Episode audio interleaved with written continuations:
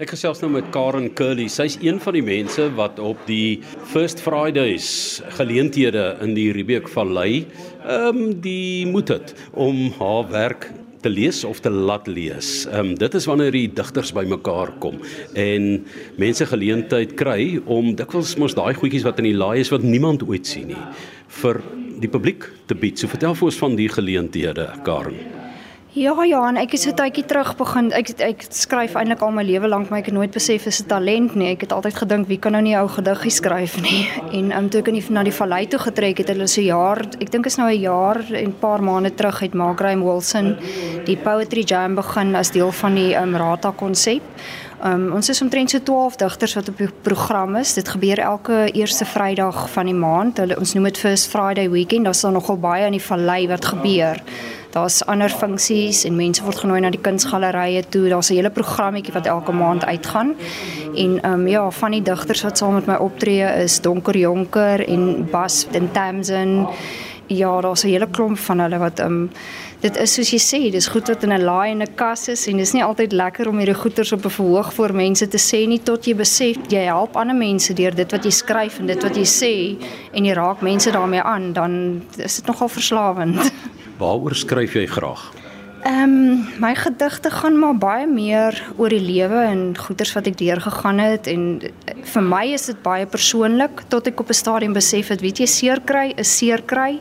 Lag is lag. Almal ervaar dit op 'n vlak van hulle eie. So deel hierdie goed met ander mense. Hulle sien dit in hulle perspektief met waar die hulle gegaan het en dit het my hele lewe verander. Jou hele lewe is so onlangs verander. Jy was in 'n baie groot motorongeluk. Hoe dit jou gedagtegang uh, beïnvloed. Vertel eens vir ons wat het gebeur en wat kan jy onthou en hoe jy die herstelpad geloop het want jy het um, vir my kom besoek hierso in Riebeek Vallei met 'n kruk met een kruk ja, ek is baie trots dat ek nie meer die ortopediese skoene en die beenstit en die twee krukke kan dra. Ek kan nou actually in die oggend my eie koffiebed toe vat. ek het met die twee krukke in die kombuis gestaan, dink ek vir myself, okay, wat maak ek nou met die koffie? Hoe gaan ek dit erns kry waar ek dit kan drink? Ek het my dogtertjie een oggend skool toe gevat. Ek bly in Riebeek Wes en sy's in Wellington in die skool. Dit was so kwart oor 7. En um, al wat ek onthou is hierdie verskriklike wit ligte voor my. Daar het iemand reg voor my ingery. Ek het nie eens tyd gehad om briek te trap nie. Um, my karretjie was heeltemal opgevrommel. Ek het baie ernstig seer gekry. Ek was omtrent 'n maand in die hospitaal gewees. Ek is nou maar 'n week weer op die been. So jy's gelukkig om my op een kruk te sien. maar ehm um, ja, ek sukkel nog met 'n paar bene wat moet vasgroei en ledemate wat nie lekker herstel het nie. Dit gaan tyd vat. Dis 'n uh, groot ding waardeur ek is en dit was vir my as 'n ek was op pad gym toe daai oggend om 'n padding session saam met die personal trainer te gaan doen. So my hele lewe is soos 'n mat onder my uitgeruk. En as dit nie was vir die feit dat ek geskryf het nie, weet ek nie wat ek sou doen nie want daai maand wat ek in die hospitaal is, ek was 3 dae in die hospitaal toe kon nog hulle die eerste COVID weer aan en sluit die hospitale toe en ons mag nie besoekers kry nie. Dit is 'n verskriklike ding om deur te gaan om daar te lê en dis nou net jy en jou gebreekte lyf en jou kop. Daar's nie daar's nie daar's mense wat jy, ek meen ek kon nie eens my bene uit die bed uit lig om op te staan nie. Iemand moes my help. Ehm um, so ja, ek dink die feit dat ek geskryf het en lief is vir ons taal het my nogal aan die gang gehou ook in daai moeilike tyd. As dit tweetalig kan mense self besluit wat hulle wil instuur en lees jy dit self of vra jy vir iemand om dit vir jou of namens jou te lees, hoe werk dit? Dis gewoonlik Sondagoggende so 11:00 12:00 se kant um, in die amfitheater agter die Royal Hotel. So ons doen dit in die in die middag wat 'n lekker tyd is net voor jy vir middagete gaan en hulle verkies dat jy jou eiewerke self doen op 'n manier dit lees of voordra of 'n bietjie van 'n performance bysit. Maak ons nogal baie gestel daarop dat ons nou nie net daar staan en jy lees hierdie ou gediggie en jy weet mos hoe met gedigte gaan. Dit is iets wat almal almal vind nie aanklank nie, maar as jy nou 'n bietjie van 'n 'n optrede daarby sit, dan waardeer mense dit nogal.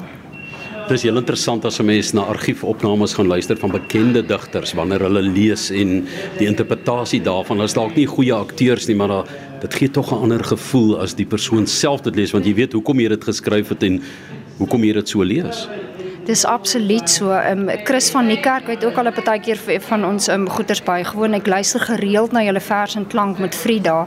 Ek vind net soveel inspirasie daardeur want ek as 'n skrywer is nie gewoond daaraan om my werk vir mense voor te dra of te lewer nie en dit ek leer nogal baie daaruit om te hoor hoe ander mense met 'n sagter impak of met 'n ander aanklank jou werk of ander mense se werk. Ek, ek ken mos nou baie van die digters, Bruiten en Ingrid en van die bekende mense sin. So as mense hierdie gedigte hoor, hoe hulle dit vir ander mense lees en hoe jy dit in jou kop het, dan besef jy wat so groot rol persepsie in die lewe speel.